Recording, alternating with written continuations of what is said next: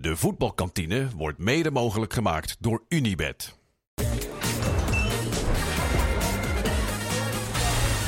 Eindelijk, het is zover. Het waren twee hele lange interlandweken, maar we gaan weer los. Vanavond openen we het voetbalweekend. We beginnen natuurlijk met negen keukenkampioen-divisiewedstrijden. Morgen begint de Eredivisie. En vandaag de voetbalkantine. Hij is weer geopend. Lekker, hè? Heerlijk. Ja. Normaal doe ik hier altijd mijn beklag over eh, de interlandperiode. Of ik ben blij omdat er wat goed is gevallen. Maar afgelopen dagen ging het natuurlijk maar over één ding. En zoals je weet van mij, ik heb lopen zweven, lopen zweven. Woensdagochtend was daar ineens een filmpje en toen dacht ik, ik ben eruit. Laten we gaan kijken naar het filmpje. Het is verkiezingsdag. Staat er nou iemand op de lijst die misschien een beetje wat kan betekenen voor ons? Op de lijst. Op, op deze lijst bedoel je? Ja, natuurlijk sta ik erop. Hier, kijk even mee. 25, nummer 10. Nee, nee, nee. Nee. Nee.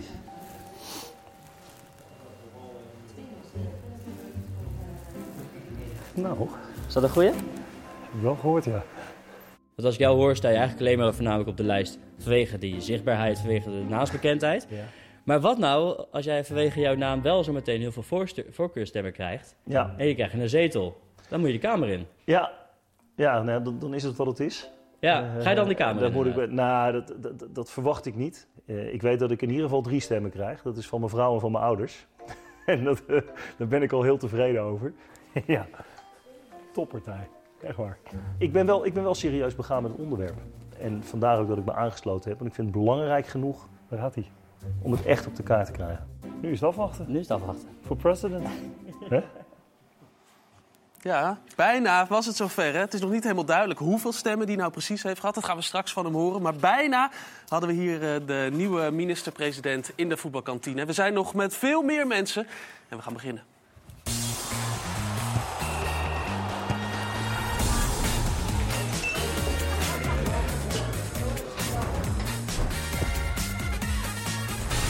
Ja, fijn, mooi en bovenal heel verstandig dat je weer kijkt naar een nieuwe aflevering van de Voetbalkantine. We trappen het voetbalweekend hier dus af.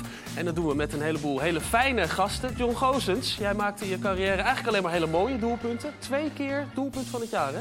Ja, klopt ja. Ja, keurig. We gaan er straks een paar van laten zien hoor, van die doelpunten. Wees, eh, wees gerust. En naast je zit een man die ooit bijna een schitterende transfer maakte naar Celtic. Je ging naar Glasgow. En toen? Ging weer terug. Ja, toen weer terug. Ja. En uiteindelijk zit je hier, Anko. Ja, Ah. kan verkeren. Is het allemaal goed gekomen, toch? Ja, nou ja, goed. Het was wel een, eh, een treintje waar ik eigenlijk op had moeten zitten en ook wel had willen zitten. Ben je er nog steeds een beetje ziek van? Als je het er weer over hebt. Sorry. eh, dank je. Dankjewel. Ja. Ja, Robert Maaskant, ik vind het altijd fijn dat je hier bent. Maar misschien ja, deze vrijdag had ik, het, had ik je ook ergens anders gegund. Oh, had ik dit nog steeds gedaan, jongens? Hoor. Ja, zeker weten? Ja, natuurlijk, joh. Hadden wij dan gewoon de potentiële premier ook gewoon in de kantine kunnen Net zo makkelijk. Oké, nou fijn dat je er bent in ieder geval. Dan van beach soccercoach tot aan badjassen gigant. Blij dat je er bent, Niels Kokmeijer. En begenadigd voetballer tegenwoordig bij de amateurs van Smitshoek. En assistent bondscoach Ryan Koolwijk. Welkom. Dankjewel. En uiteraard zijn eh, barman eh, Nick is er eh, en natuurlijk eh, Max ook voor alle data en feitjes. Dus als er dingen zijn, jongens, over eh, eh, cijfers, data, eh, loopafstanden, roep het vooral. Dan gaat Max eh, aan de slag. Robert, toch nog even over dat presidentschap en dat gedoe. Dat was een geintje natuurlijk. Maar hoeveel, hoeveel stemmen, is dat bekend? Hoeveel stemmen Nee. je hebt gehad? Nee, eh, volgens mij Zeg je dat gewoon of is het echt niet eh, Nee, ik, bekend? ik weet het niet. Eh, begin december wordt bekend hoeveel voorkeurstemmen je hebt gekregen. Eh, en hoeveel stemmen de partij heeft gekregen. In ieder geval te weinig. eh, om, eh, om een zetel te halen. Maar dat is ook niet heel raar. Dat was ook al een klein beetje ingecalculeerd. Eh, op het moment dat je als politieke partij voor de eerste keer meedoet. Dan eh, is dat eigenlijk een beetje de weg die je bewandelt. Eh, dus de eerste stappen zijn gezet. En we gaan nu kijken hoe we het beter kunnen doen. Om sport en bewegen wel goed op de kaart te zetten. Noem eens één ding dat jullie zouden willen veranderen. Onder andere eh, vrij sporten, gratis sporten tot 21 jaar. Hm. Ja. Eh, meer, eh, meer sport weer invoeren op scholen. En dan meer kantines zoals deze natuurlijk. nou ja, daar heeft, de kantines bijvoorbeeld, zoals het is, is met heel veel, heeft heel veel met BTW te maken. Waar je voordeel uit kan halen. Gezond gezonder eten in die kantines bijvoorbeeld is ook een stap die je kan zetten. Er zijn heel veel dingen die heel veel impact kunnen hebben op de lange termijn voor Nederland. Die je met sport en bewegen kan behalen. En vandaar dat ik me ervoor ingezet heb. Kijk, echt De, de, bit- politicus. de bitterballen afzeggen bij Nick eh, deze week. Daar komen we nu niet meer mee Ja, nee, we kunnen Nee. geen bitterballen meer, eh, meer gaan eten. Dan even hier aan tafel zijn er ook wat dwarsverbanden. John en Rijn, jullie hebben samen gevoetbald, hè? Ja, bij NEC. Ja. Maar dan spreken we over eh, 12, 13 jaar geleden, denk ik. Ik geloof je helemaal. Het heeft niet zo'n indruk op je gemaakt, Rijn. Nee, dat, dat sowieso wel. Maar volgens mij was al snel bekend dat Kijk hij hier, naar kijk, Feyenoord zou gaan. kijk wat we hebben hier. Jij zei net, ik maak de vrije trappen. En kijk wie erachter loopt. Daar loopt eh, Lasse Schöne gewoon achter jou, eh, John. Dus jij nam voor Die hem... loopt er nu nog. Ja, die loopt er nu nog, dat er nu- zeker. ja, opnieuw. maar jij Ja. nam betere vrije trappen dan hij? Nee, dat was een goed overleg. Oké. en jij had zoiets van, dit is mijn plek. Want op zich voor een rechtspoot. Nee, maar je hebt af en toe heb je momenten in de wedstrijd dat je denkt deze, eh, dat je zo'n gevoel hebt. En dan moet je hem opeisen. Ja, En ehm, het gevoel bleek goed. Ik zag bleek, VVV die had niet eens een muur neergezet toen jij erachter ging staan. ik geloof dat de tweede helft van deze wedstrijd scoorde ik nog een vrije trap. Eh, nadat de keeper was gewisseld. Die hadden die niet door. Ik, eh, is, nou nee, dat Het is is niet echt het wel, is is wel... Ja, dit is hetzelfde. Maar Ja. ook van ver is hij gewoon... Ja, was wel een afstand. ja. Ja. Ja, uitgesproken mening over de muur. Want we hebben natuurlijk ook wel eens dat mensen zeggen... Ja, als de tegenstander geen muur meer neerzet, dan zet ik hem zelf wel neer. Dat ze het toch wel fijn vinden om die muur te hebben. Ja, ik heb dat nooit zo ervaren hoor. Ja, er staat inderdaad maar één speler. Eh, maar nee, ja, je gaat er staan en je hebt één doel en dat is die bal gewoon op doel eh, krijgen. En dat hij er zo in vliegt, ja, Ja. dat is heerlijk. Maar vooraf weet je dat natuurlijk niet. Tegenwoordig doe je... Je bent wel werkzaam in de voetballerij met voetballers. Wat doe je precies? Ja, ik eh, ben financieel adviseur. Ehm, en richt ons dan specifiek op de, op de voetballen, op de sport. Ja. Die Totaal ander over het beroep, maar algemeen eh, veel te besteden, maar dat, dat gaat niet altijd goed.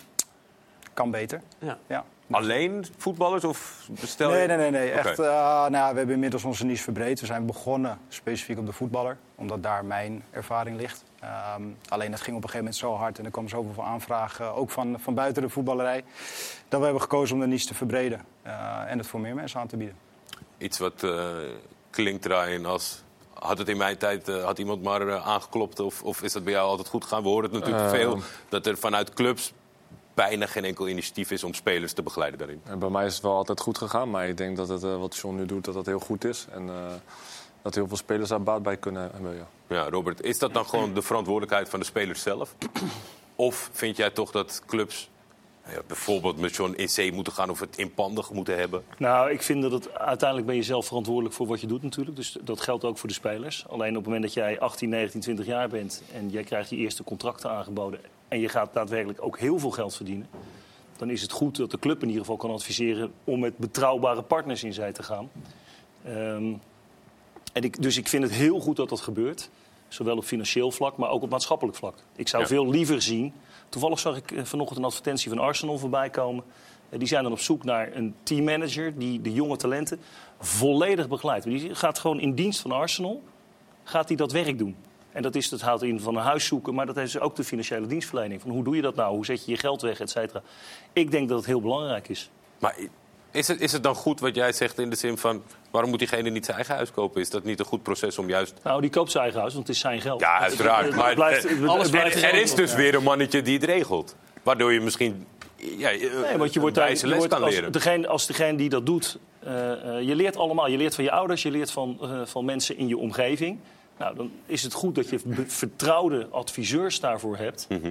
om dat geld te beleggen en te beschermen. Want het is geen eeuwigdurende carrière. Ik bedoel, we zitten hier allemaal, zijn allemaal gestopt. Ja, En zijn allemaal nog iets anders. Nog? Iets an- ja, oké, nee, maar goed, in, in, als, als prof dan. Ja. Eh, je, je gaat op een gegeven moment ga je allemaal een keer wat anders doen. Nou, ik vind dat de, de voetballerij daar best iets meer over na mag denken en iets meer mag gaan regelen voor de spelers. Want we, we worden niet allemaal multimiljonair. De meeste wel hier aan tafel trouwens, maar daar moet je toch een beetje je best voor doen. En dan moet je, dan moet je een carrière gaan bouwen daarna. Ja. Niels, hoe was jij met geld als voetballer? Nou, ik heb heel toevallig ook, eh, terwijl ik nog voetballer was, ehm, eh, op de avondbeurs gewerkt in Amsterdam. Dus dan had je overdag had je de AX en dan ehm eh, s s'avonds eh, werden de fondsen ook in Amerika verhandeld. En dat heb ik eh, toen ik voetbalde nog een beetje erbij gedaan. Dus ik had die interesse altijd wel. Maar ik ben het er wel helemaal mee eens dat het, het besef van een heleboel spelers ehm, er gewoon op dat moment niet is. Ehm, en ik denk dat het heel goed is dat, dat daar meer tijd en aandacht voor komt. We hadden het er net samen eventjes over, bijvoorbeeld voorlichting bij AZ, dat jullie dan geven. Ik denk dat, dat, eh, dat het daarmee begint. Ja. Was jij nou gewoon aan daytraden, zeg je dat nou? Ehm, ja, in de avonduren. Ja. Een daytrader in de avond. E- evening eh, traden, ja. Ja, de, Dus, en, ja de, de- de mensen hadden stukken zeg maar, overdag eh, in Nederland uitstaan. En dan kon er s'avonds wat gebeuren. En dan werd dat eh, rechtgezet. En was je ook voor jezelf dan aan het kopen of vooral voor anderen? Nee, ik deed dat eh, voor anderen, maar ik deed het ook zelf. En dat ging eh, in die tijd wel wat minder. Dus ik denk dat een, een adviseur altijd eh, dat dat heel goed is. Komen de, wortel- de worteltjes komen op Nee, tafel. het is niet bij Robert. eh, niet bij Robert. Van de Partij van de Sport. En tegenwoordig zit je in de, de, de badjassen. Ja, eh, onder andere ja. In, eh, 14 jaar geleden is mijn, eh, mijn vriendin daarmee begonnen. En ehm, ja, we hebben van een, een, een klein bedrijfje, we zijn letterlijk op een zolderkamer begonnen, hebben we, een, eh, hebben we samen een groot bedrijf gemaakt. En eh, zijn we op, de badjassen, op het badjassengebied in die niche zijn we de grootste geworden. Het is leuk dat hij er- aangetrokken heeft ook, hè? Is er, is er een mooi verhaal achter de keuze voor badjas? Of is dat gewoon een onderneming? Nou, ja, had, dat, is- had dat alles kunnen wezen? Het had in principe alles kunnen zijn, maar we hadden 14 jaar geleden wel samen het besef met van hey, eh, online zou wel eens eh, eh, ja, de, de toekomst kunnen zijn. Nou ja, dat was voor alles natuurlijk goed geweest. Ehm, ik werkte toen eh, voor de KNVB, eh, was bondscoach van het Nederlands beachsoccerteam, dus ik reisde veel. Eh, we wilden samen kinderen en toen dachten we van nou, een webshop, lekker aan huis, lekker makkelijk.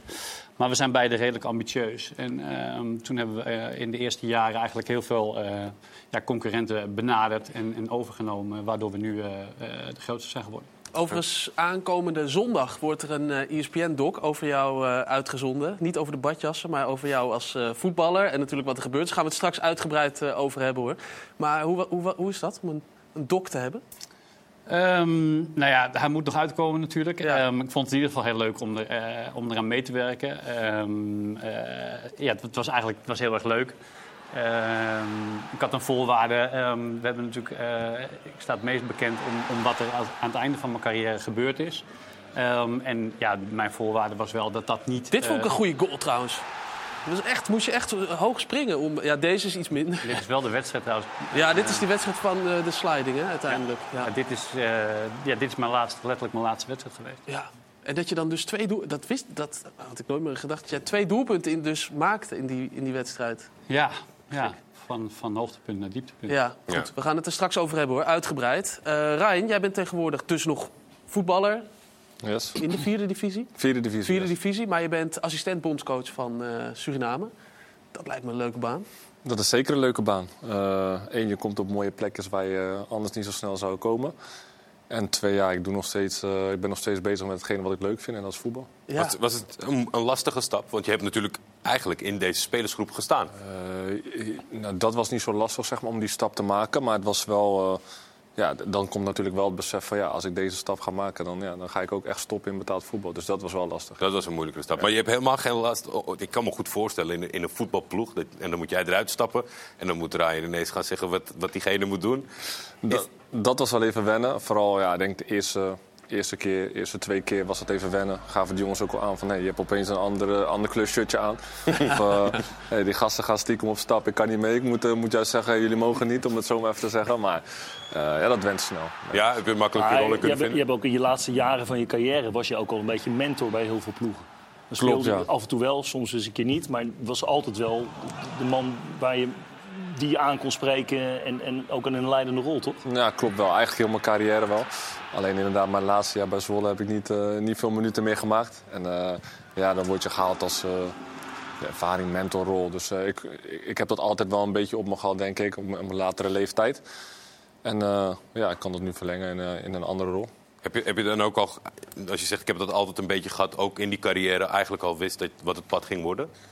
Van de kant op van trainer. Nee, dat eigenlijk niet. Dat want ik, ik heb eigenlijk in het begin van mijn carrière gezegd... ik word, eh, word technisch directeur bij Excelsior. Oké, Eh, ik heb eh, commerciële economie gestudeerd, dus eh zou nog steeds kunnen. zou nog steeds kunnen. maar ja, eh, Er zit er, er zit er wel één, die moet, ja, die moet een keer die weg. moet even weg. Ja. Ja? Het is de voetballerij, dat gebeurt altijd. Misschien moet je de druk even opvoeren. ja, dat gaan we doen. We zijn nog niet klaar, ja. Nou, hij doet het goed nu toch? Dus, eh, niks Zeker. absoluut. Ja, maar het is nog steeds een droom van je? Of, of is het Nee, nee, nee, zeker niet. Lijkt me leuk en het trainerschap heeft nu wel eh, mijn voorkeur. Eh, ik leer veel, eh, nu van Aaron en van Henk de Kater natuurlijk. Aaron Winter en Henk de Kater. Dus eh, ja, een betere leerschool kan ik niet hebben. Nee, dat lijkt me Eens. ook. Excelsior gaat het dit weekend opnemen tegen Feyenoord. En er zijn nog heel veel mooie wedstrijden. Maar de echte uitblinker van dit Eredivisie weekend is natuurlijk die kraker. Twente, PSV. Weet Maddy ook in uitblinkers.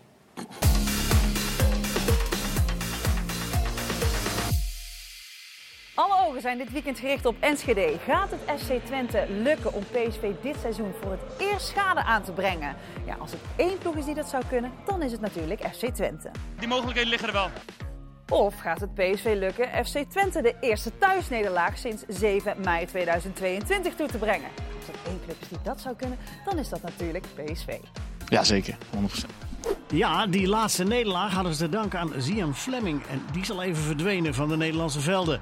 Wat een eh, zuivere trap. Hij is de man bij Fortuna Sittard vanavond. Zian Fleming. Maar het scheelde niet veel of die reeks van Twente was in de laatste thuiswedstrijd twee weken geleden gebroken. Tegen NEC kwam het ten ook nog goed. De treffer staat van Ugalde. 3-3. De reeks van PSV is ook indrukwekkend. Geen puntenverlies dit seizoen, dat weten we nu wel. Maar de laatste eredivisie-nederlaag is ook al even geleden. Dat was op 24 januari van dit jaar. De man die daar verantwoordelijk voor was, mag maandag tegen jong PSV aantreden.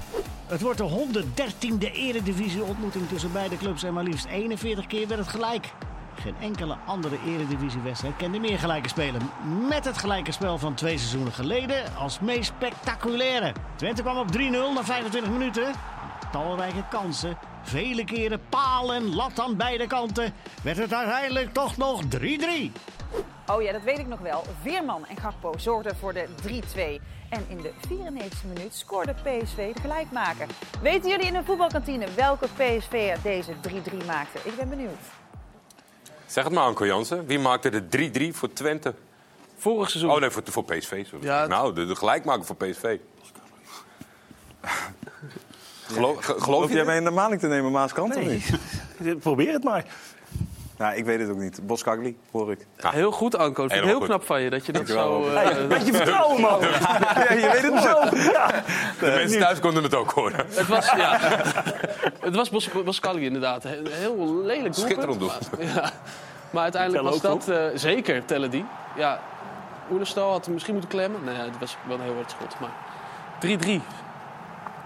En dus ook dit weekend eh, wordt het weer eh, de wedstrijd waar iedereen naar uit gaat kijken. Anko, is dit de eerste echte test van PSV in de Eredivisie? Nou, ik heb eh, het programma van PSV even gezien. We spelen sowieso een week met, eh, met Twente uit, eh, Sevilla uit. Uit. en Feyenoord uit. Ja, de, ze staan er natuurlijk verschrikkelijk goed voor. Dus ze hebben voor zichzelf wel een buffer opgebouwd. Maar ja, in dit soort weken kan ook een seizoen eh, eh, heel snel een andere kant op, eh, opdraaien. Ja, en nu moeten ze het laten zien. Ik, Twente uit is echt een hele lastige wedstrijd. We hebben Twente thuis tegen Feyenoord gezien. Nou ja, dat, dat is niet 1, 2, 3 gedaan. Dus ehm, ja, ik, ik, ik verwacht weer een hele mooie wedstrijd. Maar ja, om een winnaar te voorspellen... Maar jij bent, jij bent een neutrale kijker, hè? Mhm. zeker in deze. Ja. Ehm, hoop jij dat PSV punten verspeelt voor, om het spannend te houden, de competitie? Nou, het zou wel leuk zijn. Eh, Ja. de week erop heb je dan Feyenoord eh, PSV? thuis in de Kuip. Ja, dus voor het competitieverloop eh, zou, het, eh, zou het leuk zijn als het eh, wat dichter naar elkaar toe trekt. Want ja, goed, eh, zeven punten, eh, daar hebben we het wel elke keer over. Maar ja, als je dit programma ziet, dan, dan ga je toch weer denken van... nou, eh, ga er maar aan staan als PSV zijnde. Dus eh, we gaan het zien. Ja, we gaan het zeker zien. Bij zowel Twente als bij PSV zijn ze er helemaal klaar voor. Bijvoorbeeld Michel Sadilek, die je dus gaat opnemen weer tegen zijn oude ploegmakkers. Waar kunnen jullie ze pijn doen? Eh,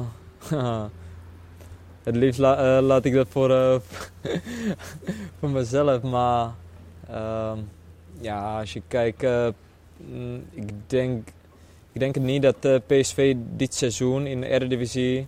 eh, ze, speelden, ze speelden wel eh, wedstrijden waar ze echt tijd hadden om, eh, om opbouwen en eh, aan de bal te zijn.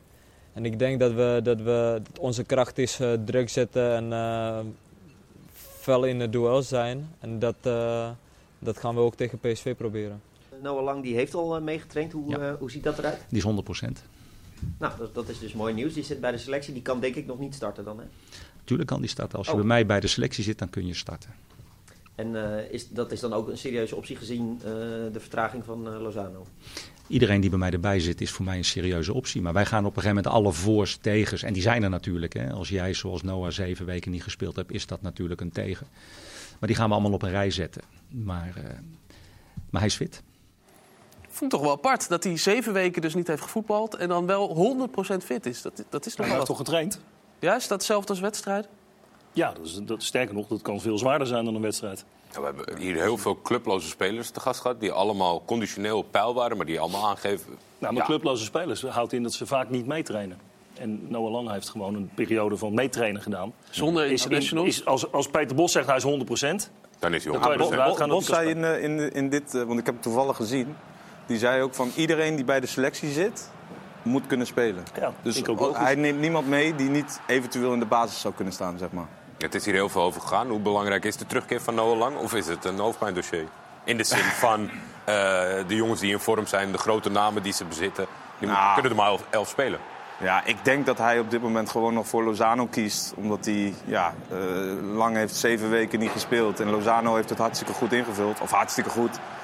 Eh, De ene week de beter dan hij is, Ja, hij is er beter ingekomen eh, naarmate hij eh, meer ging spelen. Ja, nu is het voor lang misschien wel even zo van... Ja, dan moet je even een pas op de plaats en, eh, en even wachten. En ze spelen drie topwedstrijden. Hoe lekker is het? Ik, ik zie het hoofdpijndossier niet. Lijkt me heerlijk als coach. Dat je een beetje kan doorwisselen. fantastisch- Een paar fantastische spelers. Je speelt drie zware wedstrijden. En je kan, je kan doorwisselen. Je zegt, nou, joh, jij speelt drie kwartier, 60 minuten, dan kom je erin. Eh, beslis het maar voor me. En die, Ja, en die, week erom doen we het andersom. Hartstikke lekker. Ja, zeker. Maar het, is, het blijft denk ik een kunst om te managen. Het zijn twee spelers die graag alles willen spelen. Dit zijn de wedstrijden waar Ja, het maar om het is gaat. een topclub, dus waar- waarom zou dat niet eh, kunnen? Ryan, heb jij eh, bepaalde posities bij Suriname dat je denkt... eh het staat ze maar net iets anders verdeeld? Dat je dubbele bezetting? We hebben wel veel aanvallers, maar op dit moment eh, is, eh, is de selectie zo dat, dat daar niet heel veel hoofdpijn... eh, Maar hoe doe jij dat dan als assistent bondscoach? Armpje om de schouder, even praten, je krijgt je kans. Ja, dat, dat vooral. Precies hoe, ja, hoe Vooral je denkt ja. dat het gaat, zo gaat het ook. Eh, daar moest ik wel in groeien inderdaad, maar ja, dat is het wel. Dus, en eh, ik, ja, ik ben gewoon eerlijk, dus als iemand loopt te kloten zeg ik het ook gewoon. En Ja. als iemand goed zijn best doet en, en die zit er lekker in, dan inderdaad, hey, geduld. Maar hoe bedoel je dat? Ik moest erin groeien? Wat, wat, Nou ja, eerst ben je natuurlijk, eh, ik ben een van hun. Dus ja, ik noem een voorbeeld, eh, Malone heb je meegespeeld of een Biseswar, die heb je meegespeeld. En dan moet ik tegen hem gaan zeggen, hey, ja, ja, dan denkt hij ook van vriend. eh, Ja. dus, ja. dus ja, dat was wel even wennen, maar... eh, Maar is het zo, het is natuurlijk best wel een, een, een nieuw initiatief in met de instroom van de vooral bekende spelers uit de eredivisie. Eh, dat het ook nog wel handig is dat iemand van origine een andere positie bezet, maar nu eh, dan toch buiten zijn eigen positie gaat spelen. Omdat hij daar op die positie misschien wel beter is Klopt, dan zijn klopt. concurrent. Klopt, ja, daar heb je ook mee te maken inderdaad. Dus, eh, we speelden afgelopen wedstrijd met eh, drie linksbacks aan de linkerkant. Nou, dat ging eigenlijk fantastisch. Dus, Ja, ja. Nou, dan kan je ook wel aan Tekate overlaten, denk ik, hè, om een elftal samen te stellen. En eh, die is wel ietsje milder geworden, denk ik, naar spelers toe. Maar hij is nog steeds wel heel, eh, heel, heel duidelijk in wat hij wil, hoor. Ik wou net zeggen, hij kan nog wel, eh, Ja, kan absoluut. nog wel eh, pittig zijn hoor. Ja? En met Henk de Katen, hoe gaat, heb- vraag je hem nog wel eens naar eh, de periodes bij eh, Barcelona, Ro- Ja, Ronaldinho? tuurlijk. Ja? het zou gek zijn als je dat niet doet. Tenminste, het zou dom zijn denk ik als je dat niet doet. Ik denk dat zijn eh, mooie verhalen en mooie dingen die, eh, ja, die je anders niet te horen krijgt. Wat is je bijgebleven? Een verhaal over Barcelona Ja, dat kan ik je Ronaldinho? beter niet vertellen. Het kantine, hè? Dat kan allemaal. Heeft te maken met uitgaan, want dat gebeurde nog wel eens in die periode. Hij hield wel van feesten, wat ik gehoord heb, ja. Ronaldinho. Ja, ja na, Maar ja, als jij, ook wel. Als jij je voeten laat spreken, dan is dat niet erg, toch? Dat is waar. Dan kom je met een heleboel weg. Ja, ehm, morgen, zaterdag, is Excelsior Feyenoord. En over voeten laten spreken, dat deed jij wel heel vaak in die wedstrijden, Ryan. Je was altijd goed tegen Feyenoord. Ja, ja eigenlijk wel, ja. Drie keer gewonnen, volgens mij. Als jij het zegt, ik, ja, ik weet kijk niet. maar. En deze? Dit is misschien de pijnlijkste hè, in, eh, in Rotterdam. Voor, eh, Voor Feyenoord. voor Zuid wel, ja. Ja, voor Zuid zeker. Ja. Want dit was die kampioenswedstrijd. Ze konden kampioen worden. Hoefden ze alleen even te winnen van Excelsior. 3-0. Wat was dat voor dag? Eh, aparte dag. Eh, uiteindelijk, als, normaal als je bij Excelsior aankomt, dan eh, ben je de eerste die met de auto aankomt. En de supporters komen een half uurtje van tevoren. En nu stonden er alleen maar containers om, om het stadion heen. Om eigenlijk een beetje ter bescherming De voor de hooligans en de drukte, Ja. zeg maar. En ja, het was al bomvol, helikopter boven het stadion, noem het alles maar op. En uiteindelijk ga je warming-up doen en dan zie je, merk je van... hé, hey, eh, heel het stadion zit vol met Feyenoord supporters. Ja. Dus eh, ja, dat was apart. En eigenlijk na 10 minuten hadden we al wel zoiets van... Nou, dit gaan we niet uit handen geven. Omdat, eh, ja, ik weet niet, een bepaalde spanning bij hun... of een bepaalde, je merkte gewoon van, hé, ze zitten er niet lekker in. En eh, daar gaan wij van profiteren. Ging jij sowieso wel goed op de andere omstandigheden? Dus natuurlijk niet wekelijks dat scenario bij Excelsior thuis. Of haalde je daar juist extra motivatie Ik, ik hield wel van eh, de derbies, als je het hebt over NSC Vitesse... waar we het net over Ja. gehad hebben. Ik, ik, ik hield daar wel van, ja. Ja. Maar bij wie merkte je het het meest? Bij Feyenoord? Dat je dacht, die is helemaal zichzelf niet? Ehm, poeh, ja, het is wel lastig. Maar als ik dan eh, bijvoorbeeld El Amadi als... eh, Dat is een fantastische voetballer. Nou, ik heb bijna nooit gezien dat hij een bal naar de verkeerde kleur speelde. Nou, in die wedstrijd wel. Dan ga je wel denken, hey, als hij dat doet, dan, eh, dan zit er Dan wel valt er wat wat in. te halen Ja. vandaag. Ja, schitterend. Ja, analist hier natuurlijk. eh, maar dat kunnen we nog wel eens tegen hem, tegen hem zeggen dan. Eh, dat was een hele bijzondere 2019. Toen eh, won je ook van, eh, van Feyenoord. Dat was eh, de laatste keer. Ehm, ja, blijf toch, ik blijf het apart vinden dat, dat Excelsior dan dus blijkbaar wel heel goed kan zijn tegen Feyenoord. Is dat iets wat leeft bij Excelsior, de, de grote broer of zo? Eh, ja, tuurlijk. Tuurlijk leeft dat. En ik denk natuurlijk dat wij bij Excelsior eh, ook het voordeel hebben gehad altijd van het kunstgras. Dat dat natuurlijk ook wel scheelt. Eh, als jij in de Kuip speelt of in de Arena elke week en je moet naar Excelsior... dan kan ik wel begrijpen dat de motivatie iets minder is. Ja. waren jullie daar zelf ook goed van op de hoogte? Ja. Dat, dat- van, dat, van dat voordeel? Ja. Ja. Is, en is het dan misschien een beetje het vriendelijke imago van de club? En als jij zegt van het, het leeft echt wel om die wedstrijd te winnen. Maar ja, wat ik zeg, het imago is altijd heel vriendelijk. Dat je het eigenlijk niet kan voorstellen dat je echt wil die dag, zeg maar. Nee, maar omdat het... eh, ja, heel simpel, toch? Tegen je grote broer wil je altijd winnen, om Ja. het zo maar even te zeggen. En eh, ja, wij wisten gewoon van, nee, het kunstgras, we kunnen tegen iedereen thuis winnen. En eh, helemaal in de zomer, eh, niet sproeien, lekker droog laten. En eh, met Guillaume van Ja, Anders was voorin. toen veel, veel Ballen erachter over, gooien. Ja. Ja. Dat belooft wat eh, voor morgen dus. De eerste wedstrijd van dit Eredivisie-weekend is Excelsior Feyenoord. Zometeen dan zijn we terug en dan gaan we het hebben over de documentaire over Niels Kokmeijer. Die wordt zondag uitgezonden en die gaat uiteraard ook deels over die vreselijke overtreding.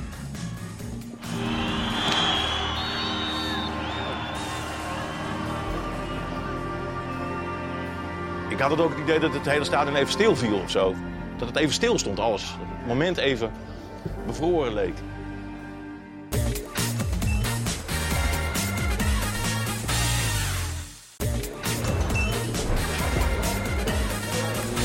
Welkom terug in de voetbalkantine, waar we al uiteraard aan het vooruitblikken zijn op aankomend eh, voetbalweekend. Vanavond is er nog geen eredivisiewedstrijd, maar om 8 uur wel natuurlijk keukenkampioen divisie.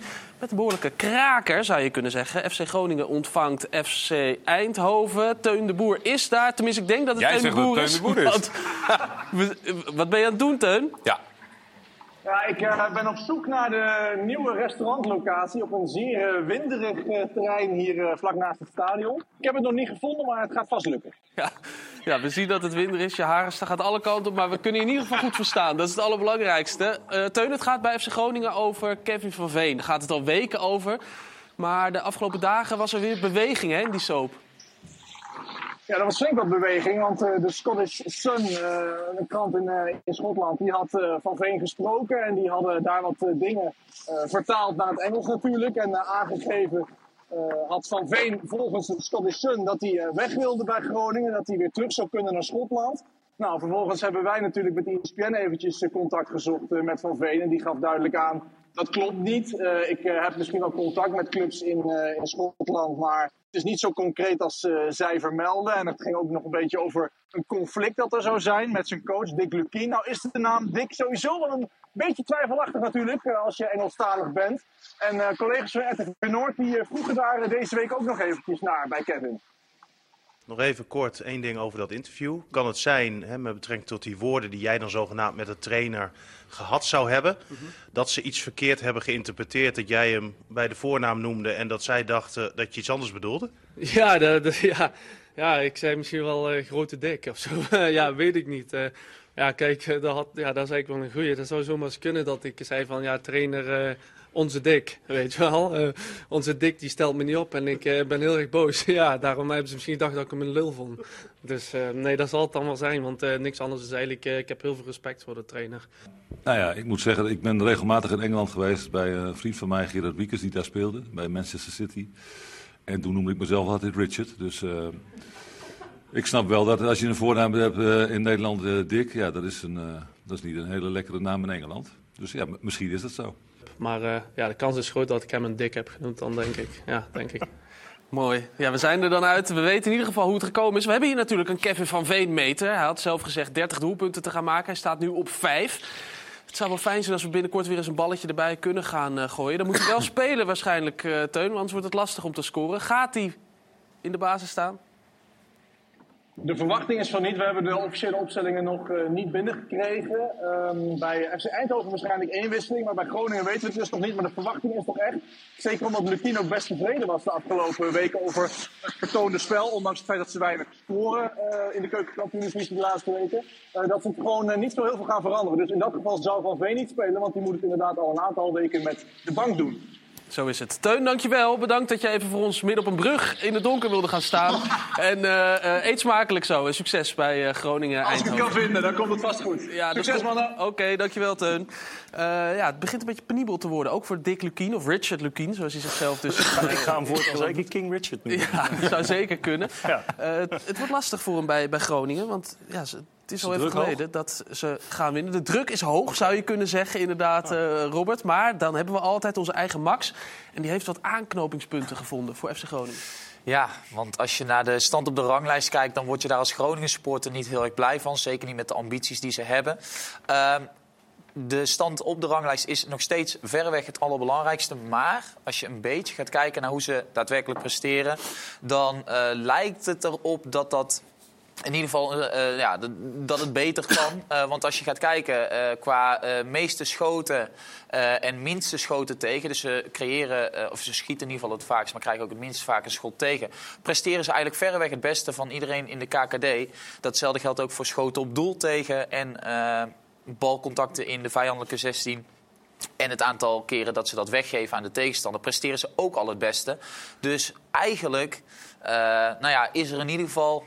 Mag je verwachten dat het op, een, op den duur beter wordt? Maar er is eigenlijk maar één statistiek waar het heel slecht gaat. Dus staan ze één na laatste, Ja, 19e. dat is inderdaad de schotconversie. En dat houdt in het aantal eh, schoten dat je eh, ja, hebt gedaan... en het aantal doelpunten dat daaruit eh, voortgevloeid is. Alleen hekkensluiter top Os doet dat slechter. Oei. Ja. Dus we weten ook meteen eh, aan wie, eh, ja, waar het aan ligt. En ik denk dat er wel iemand in de selectie zit die daar iets aan wil veranderen. Dat is Kevin van Veen natuurlijk. Die schiet Ja, ze vooral willen. ook erin. Maar ja, willen, dan, heb je nog kunnen. In principe zie je dat als hij, Kevin van Veen, hetgene wat hij voorspeld had, die conversie wel een beetje zou hebben. Wat zit je moeilijk te kijken, Anko? Ja. Ja, nee, ja. Ik, ik, ik wacht even op waar, waar jullie eh, naartoe gingen. Oké, maar... eh, Nou ja, eigenlijk het, het gebrek van de toezegging aan doelpunten, dat is het grootste probleem. Want ze doen alles goed wat je in het voetbal wil hebben. Ja, geen maar die- tegen, geen de- te- deze statistieken zeggen me echt helemaal niks. Oh, nou. Dit, eh, Deze want niet? ik heb Groningen vrijwel elke wedstrijd zien voetballen. En het is gewoon... eh, hier, nu gaan we net doen alsof, we, als- alsof ze eigenlijk in de top, eh, top 5 hadden kunnen staan of zo. Nou ja, als de conversie omhoog gaat, dan zouden ze eerste kunnen staan zelfs. Ja, maar dan, dan moet je misschien ook gaan kijken... eh, worden ze misschien gedwongen om van afstand te schieten... doordat ze gewoon... Maar is dat zo? Dat mag jij. jij, nou als ja, jij goed, ze al misschien zijn daar ook, zijn, is daar ook data van. Maar ja, weet je, ze spelen gewoon niet goed. Nee, maar Max is op zoek geweest naar wat aanknopingspunten. We willen ze een beetje helpen. Ja, nou goed, En dan die aanknopingspunten eh, die heb ik nog niet gezien. Nee, dus dan wordt het zwaar voor uh, Dick Lukien. Ja, zeker. Ja, voor, ja, voor heel Groningen natuurlijk. Ehm, ja, ze, ze hebben denk ik ook wel geïnvesteerd om, om, eh, om te promoveren dit jaar. Mhm. Ja, en, en Van Veen is denk ik ook gewoon een hoofdpijndossier. Hoe, hoe is het eigenlijk mogelijk, eh, jij kent Lukien, is, Mhm. het, is het moeilijk om met hem ruzie te krijgen? Ja. Dus- Ja, dat, dat kan ik me niet zo uh, voor. Als, het is mij niet gelukt. Nee, dan moet je eh, nagaan. Nou, dan, dan kan het bijna niet. Nee, maar nee, uh, Dick is, uh, is volgens mij echt wel een heel uh, meedenkend mens. En daar kan je echt wel veel kanten mee op. Maar ik denk dat hij gewoon het, uh, het voetbal in de KKD heel erg heeft onderschat. Mm -hmm. en misschien als het dan ook nog niet loopt, uh, dat je privé dan eh, met afstand en een vrouw die zwanger is, dat dat ook nog eh, meewerkt. Ja, en in Schotland woont, dan moet hij heen Ja, en weer. dat, dat en, is eh, lastig. ja. Maar eh, weet je, ook zijn, eh, zijn interviews helpen hem ook niet. Hè, van tevoren. Dit maar was leuk, toch? tuss- ja, nee, ja, dit, dit was prima op zich. Maar eh, tussendoor, eh, eh, er is altijd wat. Met Ja, maar dat, dat Dus- is meer het punt. Zeg maar. De ene keer is het leuk, de andere keer is het minder leuk. Maar er Ja, is altijd wat. Maar ik zou, ik zou, is is het misschien, eh, ehm, ja, dat is denk ik raar voor een speler van 32. Maar ook, ook met, het, eh, met de gedachte dat de club ook flink in hem heeft geïnvesteerd. En ik denk dat hij van de spits eh, beschikbaar bij Groningen. Je hebt Lien en ze spelen nu denk ik vanavond weer met Postema en Van Bergen. Mhm. Van Veen is daar gewoon, denk ik wel, de beste van die vier. Maar die speelt niet. Nou, misschien is dat voor Groningen dan ook wel om je investering een beetje te beschermen. Zou het niet goed zijn om hem gewoon een, een, een, een mediaverbod te geven? En dan eens zeggen van eh, gewoon focus op voetbal? Zijn ze hier niet zo, eh, niet zo fan van? Nee, maar, ik. maar, ik, maar ik heb bij hem heel erg het idee... Hij is met van alles druk en eh, uitspraken. En, maar ik, het is voor de KKD gewoon een prima speler. Maar hij is ja, Nee, overal mee bezig, behalve met voetballen. Geniet er ook wel van. Kan, kan je je voorstellen dat er een speler in jouw selectie zit waar zeg maar, het even niet bij loopt, maar wel veel in de picture is dat je zegt even Ja, dat, alleen dat, voetbal? dat advies zou ik hem ook geven. maar je zou het er Eh, niet waren niet dat een vent, nee, een vent van 32 vindt dat hij zijn eigen beslissingen moet kunnen nemen.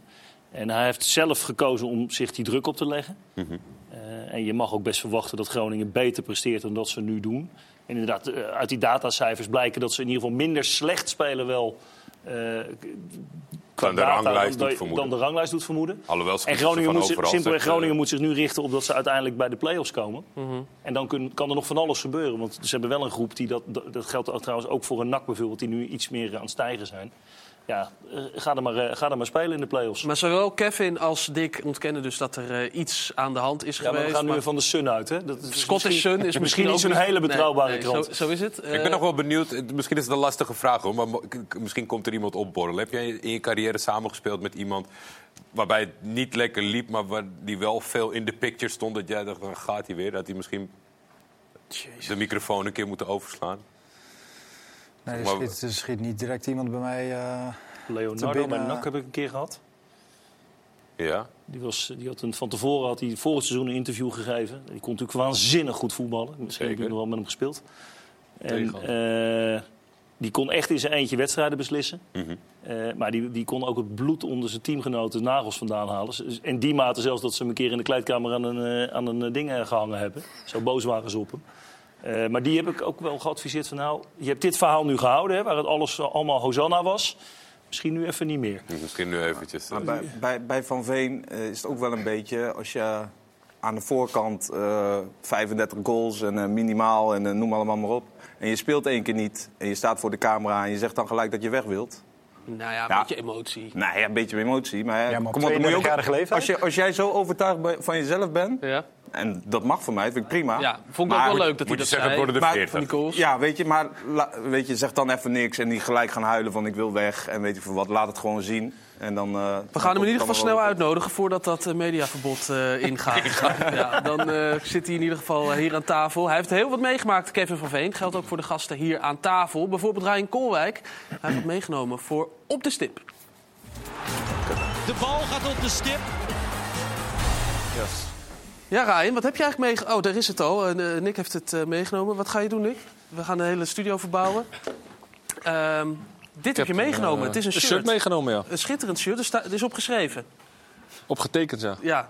Een aantal handtekeningen. Dit is mijn debuutshirt van eh, Suriname, mijn eerste wedstrijd. En dit zijn de handtekeningen van de spelers die toen in mijn team zaten. Wauw. Weet je nog alles van die wedstrijd? En dan bedoel ik met hoe dat van Eh, tevoren ging, dat je daar naartoe, die, aanloop. Ehm, ja, dat wel. Maar we moeten de deta- details van de wedstrijd niet meer. Maar wel eh, hoe je naar de wedstrijd gaat. Eh, nou, in Nederland is het eh, mooi met een eh, mooie bus. Nou, daar zijn het kleine busjes. eh, politie ervoor, iedereen aan de kant. eh, overal tussendoor. Eh, een paar mensen die schreeuwen. En, ja? Ook als je onderweg bent, dan wordt er al geroepen. Jawel, en uiteindelijk, ja, het meeste wat me bij is gebleven, moet ik zeggen, het volkslied. Dus de eerste keer op het veld het volkslied, dat was wel echt heel speciaal. Oh ja? Ja. Wist je het al? Of heb je nog even van tevoren toch even de tekst? Of, Nee, dat wist ik al, ja. Ja. Ja. En dan uit volle borst meegezongen? Of eh, een Ja. beetje? Je bent een rustige Timide, jongen. timide, ja. Ja? Wel mijn lippen bewegen, maar niet te hard. hè. Want stel dat je een keer iets fout zegt, of weet je, dan... eh, Dan krijg je dat te horen, ja. ja. En de wedstrijd zelf, het was tegen Bermuda. Poeh, dat eh, weet ik niet eens meer. Het werd 6-0. Dat wel, ja. Ja. En wat, was het een beetje een tegenstander? Nee, nee, nee. Ja, Voetbal het is, niet, eh, eh, Vooral als je met de, de Europese jongens of de Europese Surinamers met een eh, sportpaspoort speelt, dan, dan is dat geen probleem tegen Bermuda. Ja. Was het, wat, wat, was het warm? Was het een mooi stadion? Het was wel warm, ja. Suriname is altijd warm, 30 graden. en het stadion is ja, te vergelijken met een, een mooi amateurcomplex, om het zo maar te zeggen. Ja. En je stond daar, het volkslied. Wat gaat er dan door je heen? Trots, vooral trots dat je, dat je uit mag komen voor Suriname. En eh, ja, en, ja, dat. En dat je je moeder trots maakt dat je... Ja, dat je Nederlands elftal zat er niet meer in voor mij. Dus ja, dat je je moeder trots kan maken om, met, om voor Suriname uit te komen. Ja, want zij, zij had het wel gehoopt. Dat je daar naartoe zou gaan. Ja, uiteindelijk wel. Ik bedoel, de sportpaspoort zat er al heel lang aan te komen. Ja. Daar waren ze al jaren mee bezig. Nou, en uiteindelijk heb ik het geluk gehad dat, eh, dat ik nog een aantal wedstrijden mocht spelen. Ja, prachtig. Ehm, dan na afloop, dan heb je je debuut gemaakt. Dan krijg je dat shirt mee. Dan vraag je iedereen een, eh, een handtekening. Yes. Ja. ja, en dan? Waar hangt hij nu? Nu hangt hij eh, in mijn kledingkast. Oh. Niet in mijn kledingkast, maar in de kledingkamer, laat ik het zo zeggen. Daar heeft hij een mooi plekje. Oh, wel een mooi in plekje. Een, eh, in een mooi afgestield, eh, hoe noem je dat, lijstje. Oh, echt in een lijstje. Je hebt hem voor ons heb je hem even eh, heb ik hem eruit gehaald, ja. Stof eraf gehaald. Heel- oh ja. nou, leg hem voorzichtig in ieder geval hier op de stip. Wil je de voorkant? Ja, wat, je, wat vind jij de mooiste kant? Handtekeningen toch? Ja, Mijn naam erbij. Ja, mooi. Kijk eens. Dit is jouw bijzonderste herinnering aan eh, je voetbalcarrière. Ja. Ja, mooi. De bal gaat op de stip. Ik ben er wel benieuwd, Ryan. Was dan, want ik denk gelijktijdig met jou, het zijn er best wel een andere een boel debutanten geweest. Had iedereen zoiets van, dit is een goed idee? Of, of geeft de een, heeft de een veel meer waarde daarom dan de andere? Ehm, nou, ik denk dat de een er meer waarde om geeft dan de andere. Maar eh, ik weet niet, meestal, denk, tenminste in de voetballerij is het wel normaal dat als jij een debuut maakt of iets, dat je dat shirt wel laat tekenen. Of als je drie keer scoort, weet je. Dat heb ik nooit, nooit gedaan. Maar Ja. dat de ballen getekend worden, datum erop. Dat zijn wel dingen die volgens mij vrij normaal zijn. vrij regulier, oké. Ehm, we hebben het erover gehad. Aanstaande zondag is jouw eh, documentaire, eh, die, eh, die dus helemaal over jou gaat. Je hebt erover verteld dat het best wel een apart gevoel is. En zondag is dus de première. En die gaat uiteraard over dat eh, moment op 17 december 2004. Je merkte aan het einde van de wedstrijd wel dat er steeds meer frustratie op de tribunes en ook op het veld eh, merkbaar was. Volgens mij was het 84ste minuut. Ehm, Bouaouza. Is dat vasthouden of niet? Nou ja, dat hele stadion dat veerde op. Van, Er wordt ons onrecht aangedaan. ik eh, ehm, wilde de bal naar voren ehm, eh, nou ja, uitverdedigen. En eh, op dat moment kwam, uh, kwam Boeroezan invliegen.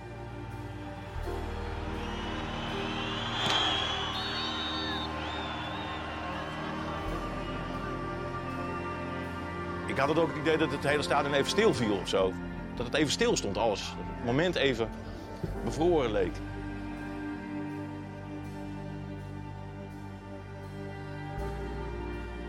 En dat iedereen daarna meteen iets had van... Dit is wel, dit is wel heel erg gruwelijk mis. moment dat je op de training iemand een schop geeft en dan gaat hij brullen, weet je wel. Maar dan gaat het wel weer. Maar bij Niels was het echt afgrijzelijk. Het was echt, echt nou, schreeuwen, joh. Echt pijn had hij. En ja, toen zag je echt, dat is echt goed fout. Echt goed fout. Ja, het blijven wel indrukwekkende beelden om te zien. Voor, voor jou ook? Of, of heb je het inmiddels Ja, heel ik vaak heb, het, teruggezien? ik heb het zo ontzettend veel gezien. En het is ook heel erg lang geleden. ehm, dat ik er wel eh, gewoon goed naar kan kijken. Anko, jij niet, hè? Nee, ik kan, ik kan er heel slecht naar kijken, ja. Ik ben wel benieuwd, tafel allemaal, breed. allemaal maar is niet dit... Nee, nee. Ik zie ons allemaal wegkijken. Je ziet vlak voordat het komt... Ja, ook omdat het zo duidelijk is. natuurlijk. Maar je, je ziet de situatie ontstaan. Je weet wat er gebeurd is. Denk oh man. Maar is dit op tafel... Tenminste, zo voelt het bij mij. De, de, de overtreding die het meeste indruk heeft gemaakt. Dit is de eerste oh, by far wat ik ooit gezien heb. Fred van der Hoorn en eh, Hesp. Ja. Ja. Was ook eh, ongeveer zo. Ja, die heb ik niet Op die manier. Oké. Maar ik, ik, ik Het, generatie, het maakt bijna niet uit qua generatie of iedereen kan dit beeld oproepen en weten. En de namen, zeg maar ook, meteen. Ik kan me zo goed voorstellen, eh, of ik kan me het juist eigenlijk helemaal niet, dat dat heel erg, want dat zo in één keer je voetbalbestaan wordt van je afgenomen. Ik zou me nooit kunnen voorstellen dat je zo met een knip als dit en je kan nooit meer voetballen. Wat is eigenlijk gebeurd? Wanneer, wanneer voelde je dat? Nee, die, ja, meteen. Dat wist Ik- je, je wist dat wist je dat- meteen. Ik heb het zelfs op het veld tegen de verzorger gezegd. eh, want ik had een keer eerder mijn been gebroken. En toen ik net mijn contract bij Heerenveen had getekend. En dit was zo onvoorstelbaar ander eh, intens gevoel dat ik gewoon wist dat Heb je het- gekeken? Toen je, toen, benen nou, nou ja, Ja, je, je, trapt die bal en dan voel je die, die impact voel je. Nou, ik Dan zag mijn je. benen liggen. Die, die lag niet zeg maar, zoals die hoorde te liggen. Dus, en die pakte ik toen vast. En ja, ik wist het. Ik wist Ja. dat het helemaal, eh, helemaal mis was. Denk je er nog wel eens aan terug? Aan, aan dat moment, aan de pijn? Aan... Ja, natuurlijk denk ik aan het moment terug. Maar het is niet. eh, natuurlijk heeft het heel veel impact gemaakt. En zeker die, die eerste periode. Ehm, en het is wat, eh, wat Anko ook zegt: dat- dat je van het ene moment op het andere moment. Je bent een topfit. Je, bent, eh, je doet wat je het allerleukste vindt. En dat is in één keer klaar. En dat was ook heel duidelijk dat het in één keer klaar was.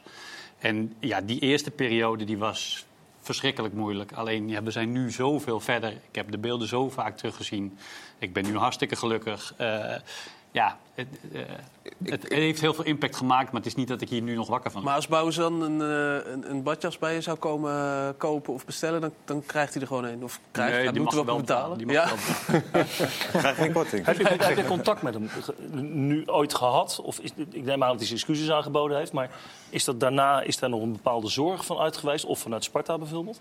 Nee, nee, nee. Dat, er is eh, minimaal contact geweest. Eh, ik heb hem bij de, ehm, eh, in de rechtszitting zeg maar, gezien. Eh, Heeft, maar- hij, heeft hij niet persoonlijk zijn excuses aan jou aangeboden? Hij is in het ziekenhuis geweest met Peter Bondhuis destijds. Ehm, maar ja, dat, dat, dat liep, niet heel, eh, liep niet heel lekker. En van jouw kant uit ook? Of had je geen, geen behoefte Nee, daaraan op dat moment? nee, want ik had- hoe snel was dat na de, na de, nadat het incident is gebeurd?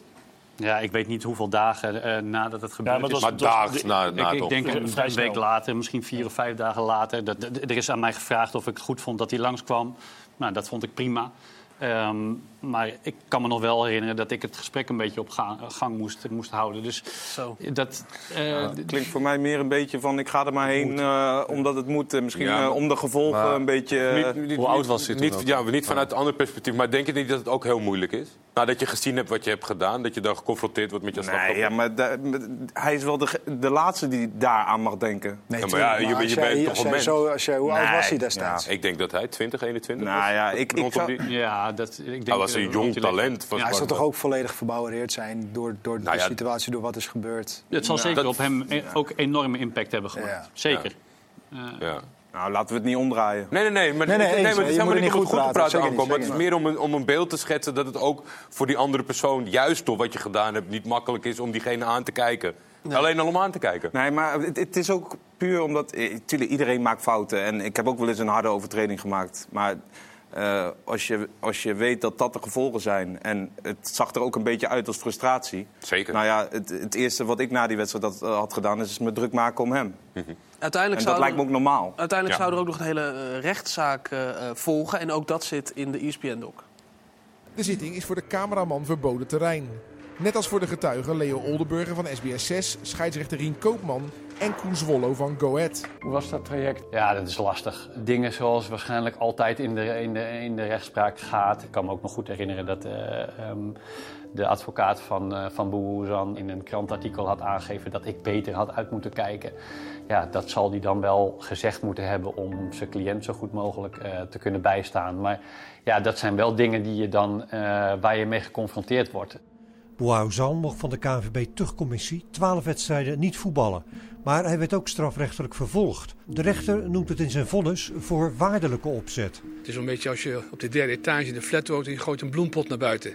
Weet je dat iemand loopt, dan is het opzet.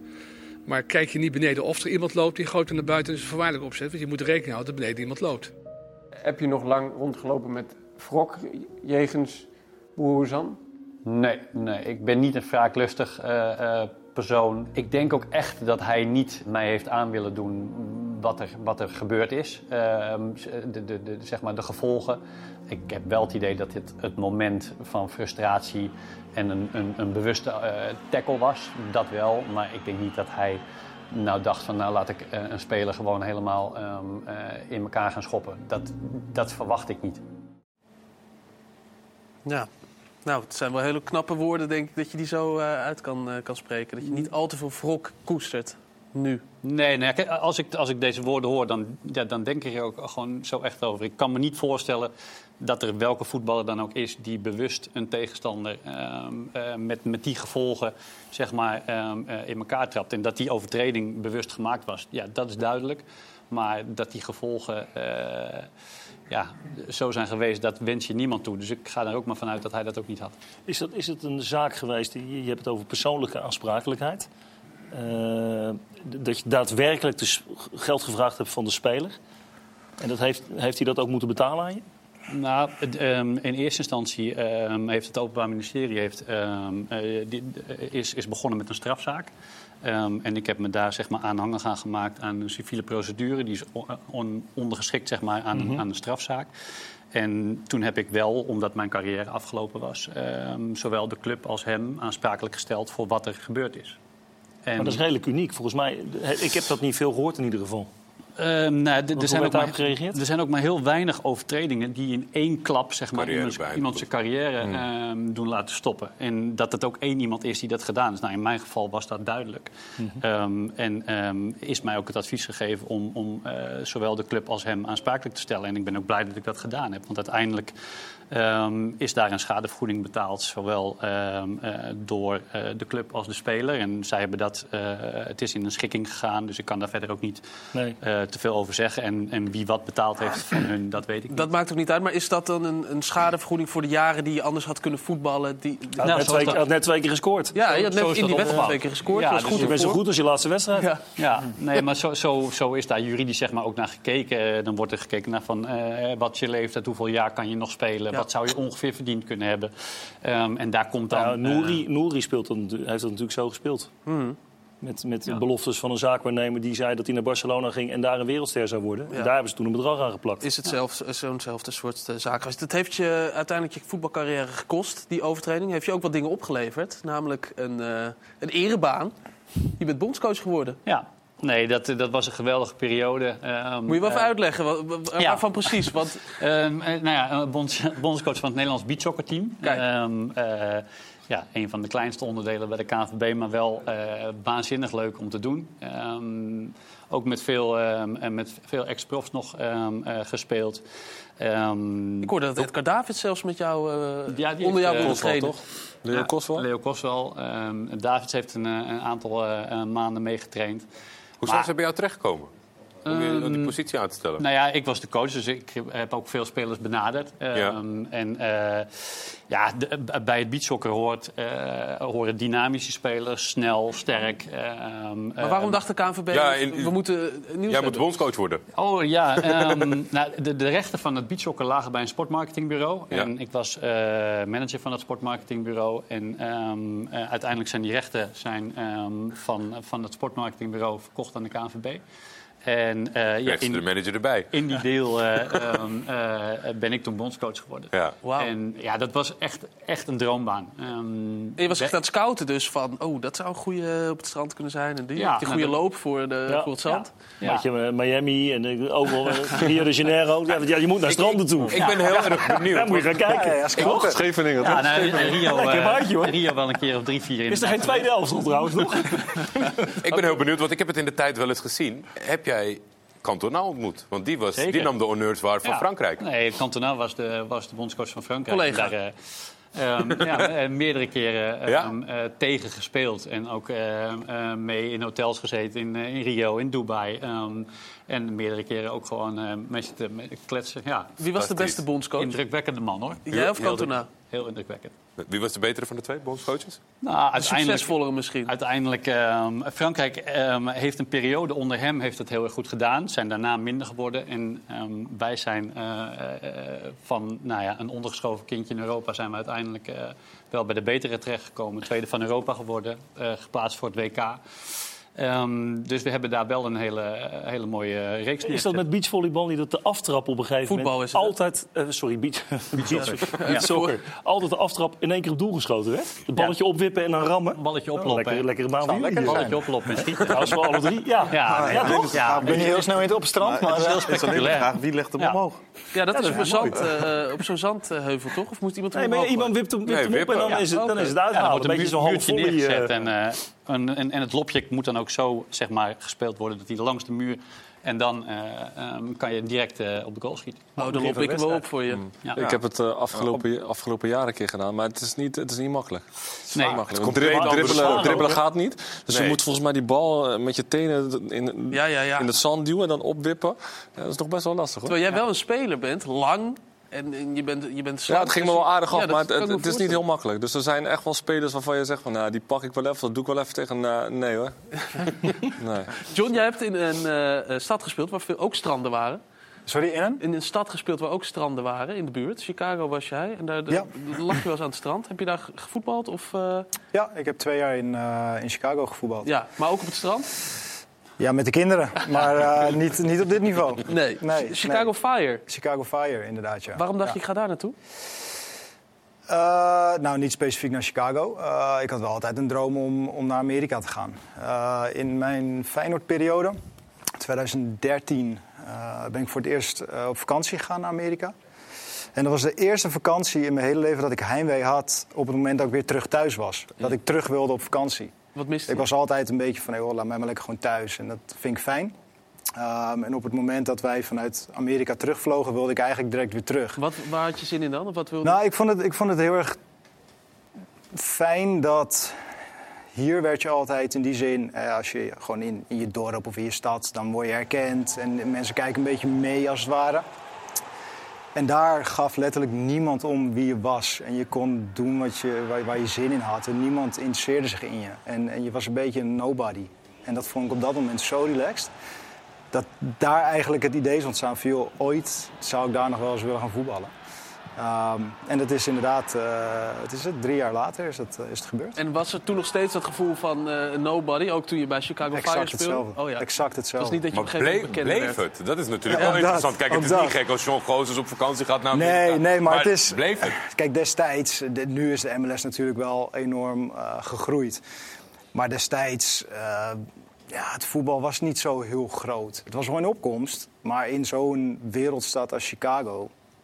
Niemand had enig idee wie jij was en wat je deed. En dat interesseerde ze ook oprecht niet. Nee. En dat vond ik juist het fijne eraan. Dat ik eh, buiten eh, de cluburen was ik gewoon vader. En, en eh, ehm, kon ik gewoon ja, net als iedereen zijn. Ja. Daar waar als ik hier thuis was en ik ging naar de winkels of ik ging een hapje eten... Moest je dan weer werd, de uitslag hebben. je, je werd er vaak mee geconfronteerd.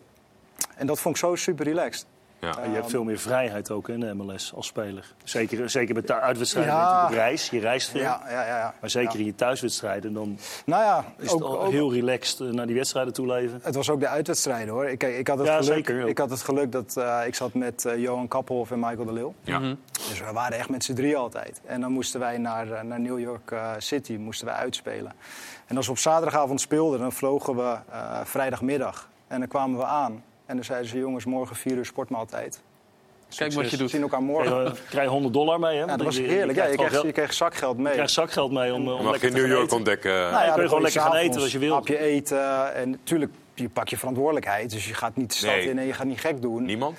Nee, niemand. Niemand? Oh. Nee, maar dat is... Ja, dat, Wat zei je ook al? Ja, Michael. Ja? Michael die houdt wel van eh, de stad. Moet er wel nageven, meestal na de wedstrijd. Hè? Ik, precies, dat, wil, dat wilde ik goed- zeggen. goed We hadden we op, zaterdag gespeeld en dan inderdaad was het terug naar het hotel. En dan zondagochtend vloog je weer terug. Dus het was eigenlijk drie dagen van huis. Waardoor je dus tijdens eh, het voetbalseizoen kon je ook heel veel van het land zien. Ja. Ja, en dat, dat was voor mij wel echt een eh, unieke positie. Ja. Het lijkt me heel prettig met een, met een klein groepje Nederlanders. Maar ik- als ik je zo hoor, eh, had het niet uitgemaakt. Je had het daar ook alleen perfect mee in kunnen hebben. Of, Het, het maakt het voor het gezin makkelijker. ja. Eh, we hadden op een gegeven moment dat we drie uitwedstrijden achtereenvolgend hadden. En dan ben je tien dagen van huis. Maar dan weet je dat je vrouw en kinderen nog andere vrouwen om zich heen hebben.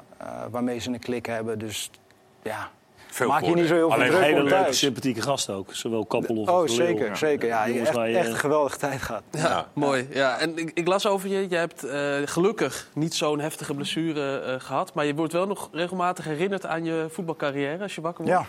Wat ja, dan? ik weet niet hoe Niels dat heeft. Nee, eh, eh, ik ben in Amerika ook zwaar geblesseerd geraakt. Ehm, brak mijn enkel, eh, scheurde alles af. Eh, Dus dat was ook niet, ook niet fijn, maar het, ja, in tegenstelling... Ja, dit, Ja, het is natuurlijk vele malen erger. Ja, ik kan niet in Eh, perspectief zetten naar zoiets. Zeker eh, niet, maar- zeker niet. Laat ik dat benadrukken. Eh, ik ben uiteindelijk een jaar gerevalideerd en kon gelukkig weer, weer voetballen. Ehm, maar inderdaad, ja, als het bij mij eh, buiten vochtig is, dan, eh, dan voel ik dat binnen in huis eh, in mijn enkel. Eh, dus ik word in, in die zin elke dag nog steeds mee geconfronteerd. eh. Want het is toch wel vochtig buiten de afgelopen tijd? ja, dat is klinkt niet, redelijk uniek. Of, of gaat dat gepaard met de nou, ik hoorde die je dus hebt? dat, dat eh, Mark van Basten ooit dat, hetzelfde heeft geroepen. Dat, eh, dat het met kraakbeen te maken kan hebben. Dat, dat de gewrichten pijn doen op het moment dat het buiten vochtig is. Ehm, en ik- ja, ik heb ik, ja, exact Het is hetzelfde. dan wel weer bijzonder als je exact hetzelfde hebt als eh, Marco van Basten. Dat is dan ook echt het enige wat. Ja, wel lekker een we- naam om te kunnen noemen bij dit soort momenten. Eens, eens, Marco ja, en ja, ik. ja, ja. De winter in Chicago zijn ook heel koud hoor. Ja, de winter was, eh, was, goed, eh, was goed koud, ja. En daarentegen waren de zomers ook wel weer Ja, heerlijk. Dus, eh, Niels, ja. heb jij dat zelf, herken je dit? Dat als het koud is of vochtig? Of, ja, ja ik heb het gewoon dagelijks met, met, met veel meer, meer dingen. Dus het hoeft niet Oh. speciaal vochtig te zijn. Ehm, Je hebt wel gewoon veel pijn in het gebied. Nou, alles wat ik meer dan in het dagelijks leven doe, eh, een balletje trappen met, eh, met mijn kinderen, eh, ik doe wel eens een beetje padellen. ehm, eigenlijk alles wat ik meer doe dan eh, in het dagelijks leven, moet ik met pijn bekopen. En eh, ik, ik kan gewoon eh, heel beperkt bewegen, omdat ik geen, eh, geen aansturing daarvan heb. Dus ja, daar heb ik wel dagelijks hinder van. Maar je voetbalt nog wel eens, toch? Met mijn kinderen. Ja, ja en eh, dat padellen gaat dan wat beter. Ehm, eh, maar ja, alle, alle sporten, en dat, dat zit in ons allemaal, dat, dat wil je blijven doen. En ik probeer het ook zoveel mogelijk te doen, maar moet ik wel altijd bekopen. Ehm, met pijn, dan wel in mijn been, dan wel in mijn heupen, dan wel in mijn rug. Eh, ja. Ben jij nog eh, pijnvrij rijden als je voetbalt? Bij de amateurs, ja? Heb je überhaupt ooit een blessure gehad? Want er staat mij altijd bij dat je Eh, altijd fit was. Ja, laatste jaar NSC wel. Mijn eh, meniscus, dat is mijn eh, grootste blessure geweest, zeg maar.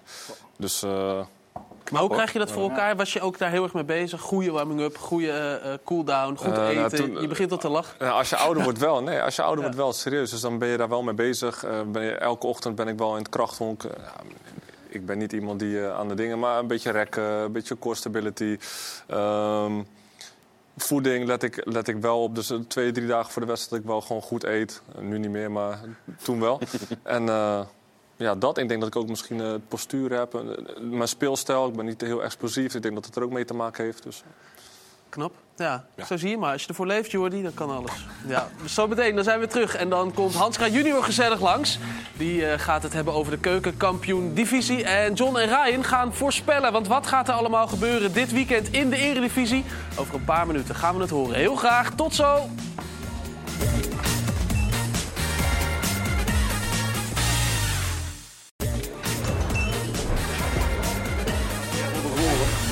Welkom terug in de voetbalkantine. Robert Maaskant staat in het beeld. Het kan allemaal. Hans junior komt eh, net binnen. Dankjewel Robert, heel fijn. We hebben net het eh, bijzondere verhaal gehoord van, eh, van Niels, Hans. Ja. Maar jij bent vlak daarna ook nog in zijn buurt geweest. Vlak na die eh, overtreding ben jij... Ja, dan heb je, denk je alles gehad hebben. Been gebroken, ziekenhuis. Staat Hans junior voor je, voor je deur. Wat kwam je doen, Hans?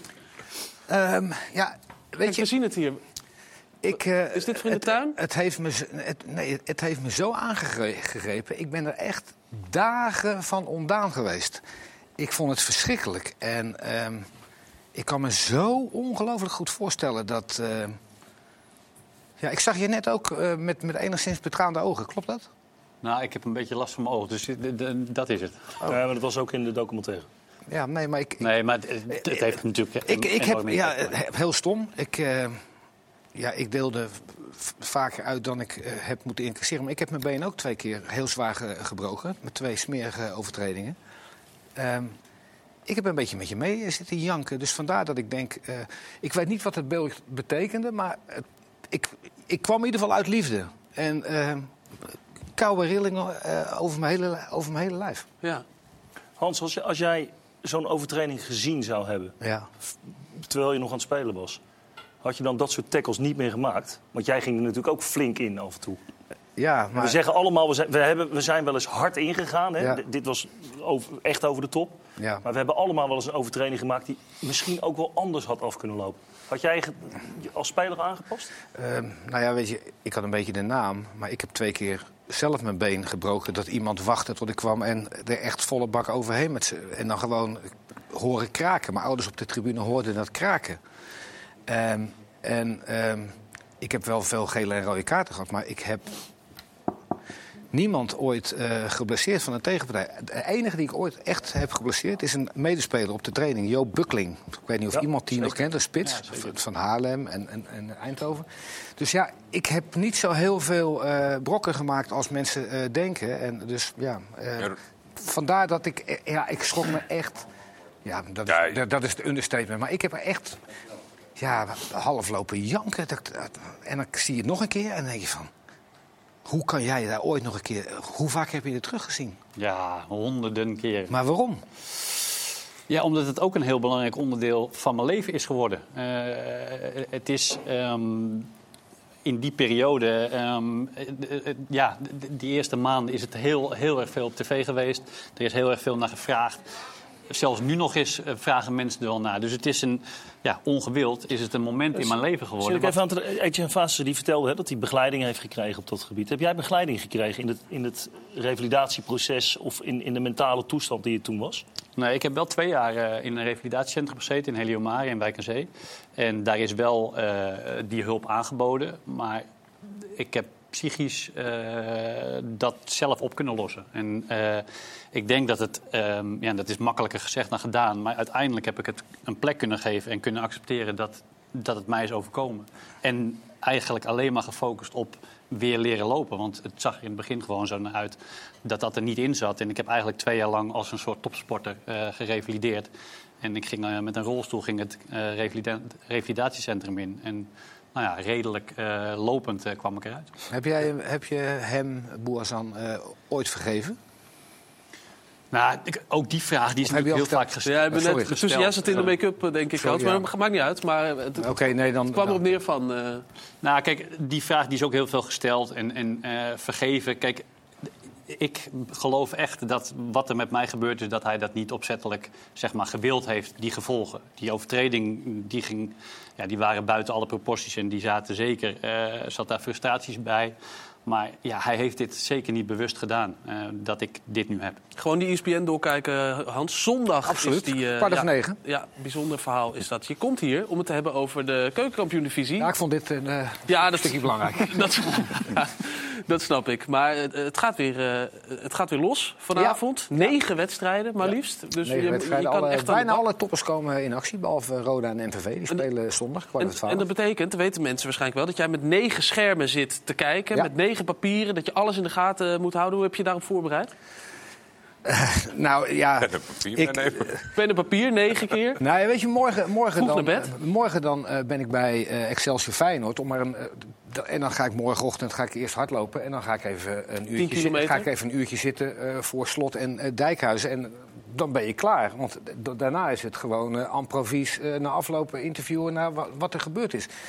Eh, vandaag ben ik eh 3,5, 4 uur bezig met deze uitzending. Om- alles te lezen in alle regionale kranten. eh, die krijg ik wel weliswaar keurig van Jan Leerkens opgestuurd. Maar eh, je bent er 4,5, ja, 3,5 tot 4,5 uur eh, mee bezig. En dat is ook, eh, er is niks mis mee. Weten altijd, je, be- je bewaart het beste voor straks. Maar wat heb, je- wat heb je ons te vertellen bijvoorbeeld over NAC vanavond? Nou, ja, NAC, ik heb me zo ongelooflijk... Ik was met Pascal bij de Graafschap NAC.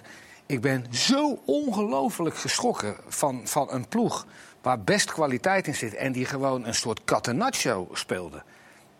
De tik was hard aangekomen na de uitschakeling... een paar dagen ervoor van eh, Quick, eh, Quick Boys. In de vond- beker. het was verschrikkelijk. En ze hebben een spits die niet een, eh, een, een, een ruimtes kan, kan overbruggen van 40, 50 meter ton boeren. Die moet. En in één keer, MVV, NAC, drie spitsen. Het lijkt wel, eh, vanaf de eerste seconde heb ik genoten van, van NAC. En dat dat zo snel kan gaan met, met, eh, met Van den Berg, met Ombaar die scoorde. En zo Goeie met speler. Ja, goede speler. Die Hoe kan nu- dat, Hans, dat het, zo, 10. dat het zo snel omdraait? Ja, ik denk dat, eh, dat hij gewoon... eh, hij is van Gaston. Dit is een prachtige trainer. van Leemans. Het is ook een goede, mooie voetballer. Is een geweldige drie, drie poorten. En, eh, ja, ik denk dat hij eh, wakker is geworden met eh, Arne Slot en Peter Bos in zijn hoofd. Ze speelden zo fris en zo eh, vrolijk. En, en, en Ja, en, en die, die 18.000 mensen die vanavond weer daar zitten, eh, die verdienen dit soort voetbal. Ja. En dat heeft heel, heel, heel verschrikkelijk lang geduurd. Leuk spelen, die Clint, Le- Clint Leemans. Hè? Lang, smal.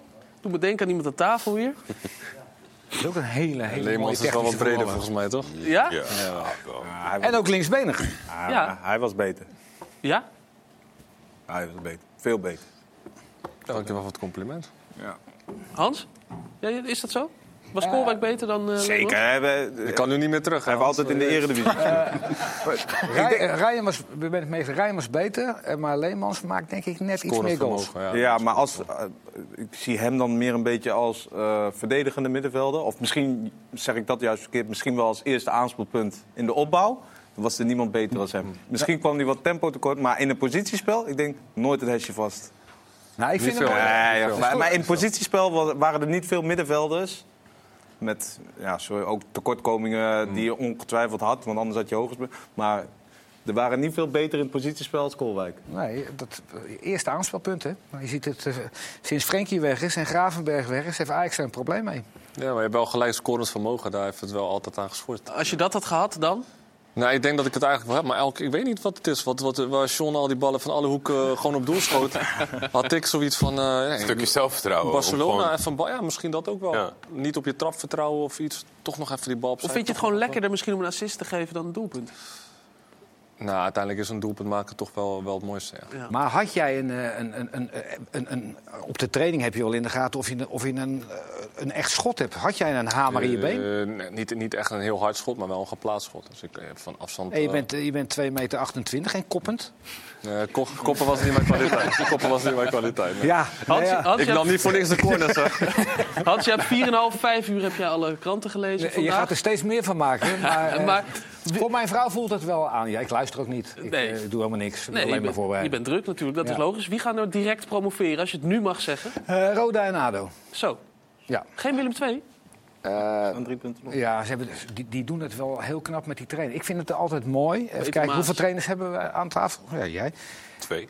Als je ergens een club overneemt in de zomer, dan neem je vaak je eigen spelers mee. En dan heb je drie, vier anderen. Eh, ik vind het altijd fascinerend dat een trainer met dezelfde mensen speelt eh, eh, als zijn voorganger, Reinier Robbermond, hè, bij Willem II, en Ja. Peter Maas. En dat jij er zo ongelooflijk veel meer uithaalt. Dat zegt mij heel veel over de kwaliteit van een trainer. Jij niet, John? Of? Nou, je hebt het nu over Willem II, toch? Ja. ja. Ik heb, we hadden het net over Michael de Leeuw, die spreekt nog regelmatig. Die is, die is echt lyrisch over hem. Terwijl hij op de bank zit bij Peter Terwijl hij op de bank zit. En, en dat, dat zegt in mijn optiek best wel veel over een trainer. Ja, wat Dat- zegt hij dan? Dat, wat, waar is hij zo blij Nou ja, dat hij, dat hij, dat, hij pakt het net allemaal even anders aan dan wat ze gewend waren.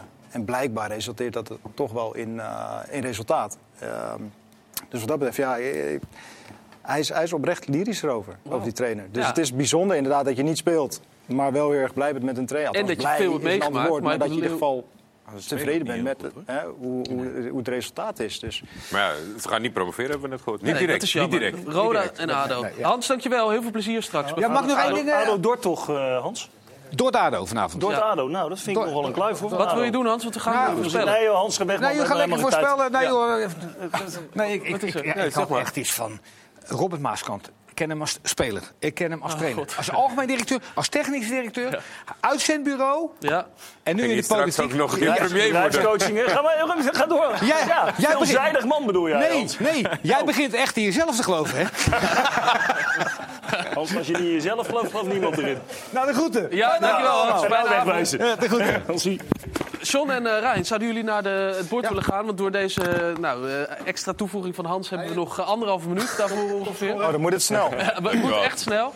Eh, we beginnen met eh, de wedstrijd van morgen, de eerste wedstrijd van morgen. Vanavond dus nog geen wedstrijd in de Eredivisie. Maar morgen Excelsior Feyenoord, de wedstrijd waarin Rijn Koolwijk eigenlijk altijd in topvorm was. Ik ben heel benieuwd wat jullie daar eh, gaan neerzetten. En ga gewoon door, jongens, want we hebben... Dat is wel handig, hè? Je kan tegelijkertijd... eh, Kan tegelijkertijd. Voor de tijd. Ja. Allebei Feyenoord.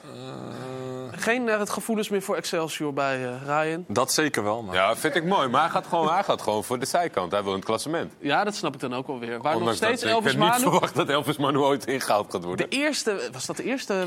Twee, eerste of tweede? eerste speelronde. En die staat met zeven bovenaan. Terwijl die andere twee waren echt hele grote verrassingen. Anders had hij gewoon negen gehad. Hadden we het...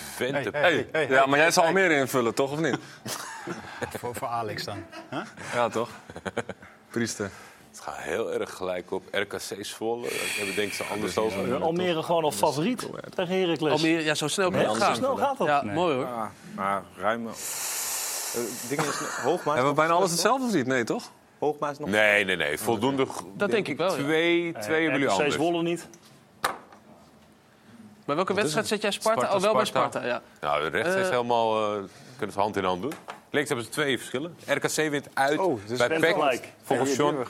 Anko Jans is niet blij mee zijn. Nee, Zwolle wint. Zwolle swingt, hè? Oké man, een mooie voorspelling. Overigens, uh, twee weken geleden was Olaf Lindenberg hier. Dat was het all-time uh, dieptepunt. Eén goed. Uh, Eén goed? ja, Oh, één goed, ja. Maar ik moet zeggen dat Anko ook niet het klassement heeft gehaald. Ik heb nog niet gedaan. Ja, maar er zat Jawel, Ajax man, op- gek. Ja, niet, joh. Waar heb je nou over, man? Ja. Onder die plint. Onder de plint. Ik ben eraf gedonderd. Ja, je staat vlak boven Olaf Lindenberg. Dat was Almere Ajax ook, hè, met Olaf Lindenberg, toch? Uh, ja. Ja, dat denk ik wel. Dat zijn ook niet makkelijke wedstrijden om te voorspellen. dan. Het is er één van de negen, Robert. Ja, Maar goed dat je, voor, goed dat je voor hem opneemt. Zo is het ook, is lief van je. Jongens, bedankt. We zijn door de tijd heen. Ryan, zet hem op. Ook bij Suriname. En met je carrière als, als trainer. Jij bent de badjas, Niels. Yes. komt helemaal goed, Robert. We gaan elkaar meer dan vaak nog zien. Anko, succes dit weekend als analist. En Sean, succes met alle adviezen aan alle voetballers. Ehm, vloggers, uh, influencers, presentatoren voor voetbalprogramma's. Wat zij met hun uh, geld... Uh, Meer dan welkom. Yes, komt helemaal goed. Dankjewel, bedankt voor het kijken ook. Hierna dus ESPN vandaag. Daarna voetbal op vrijdag. Zit je de hele avond goed. Alle KKD-wedstrijden. En dan om 11 uur op ESPN 2 voetbalpraat. En dat begint dan weer om half 12 op ESPN 1. Zo weet je, als je bij hem meegeschreven komt het helemaal goed. Je zit in ieder geval vanavond en het hele weekend goed op ESPN. Bedankt voor nu. Tot volgende week.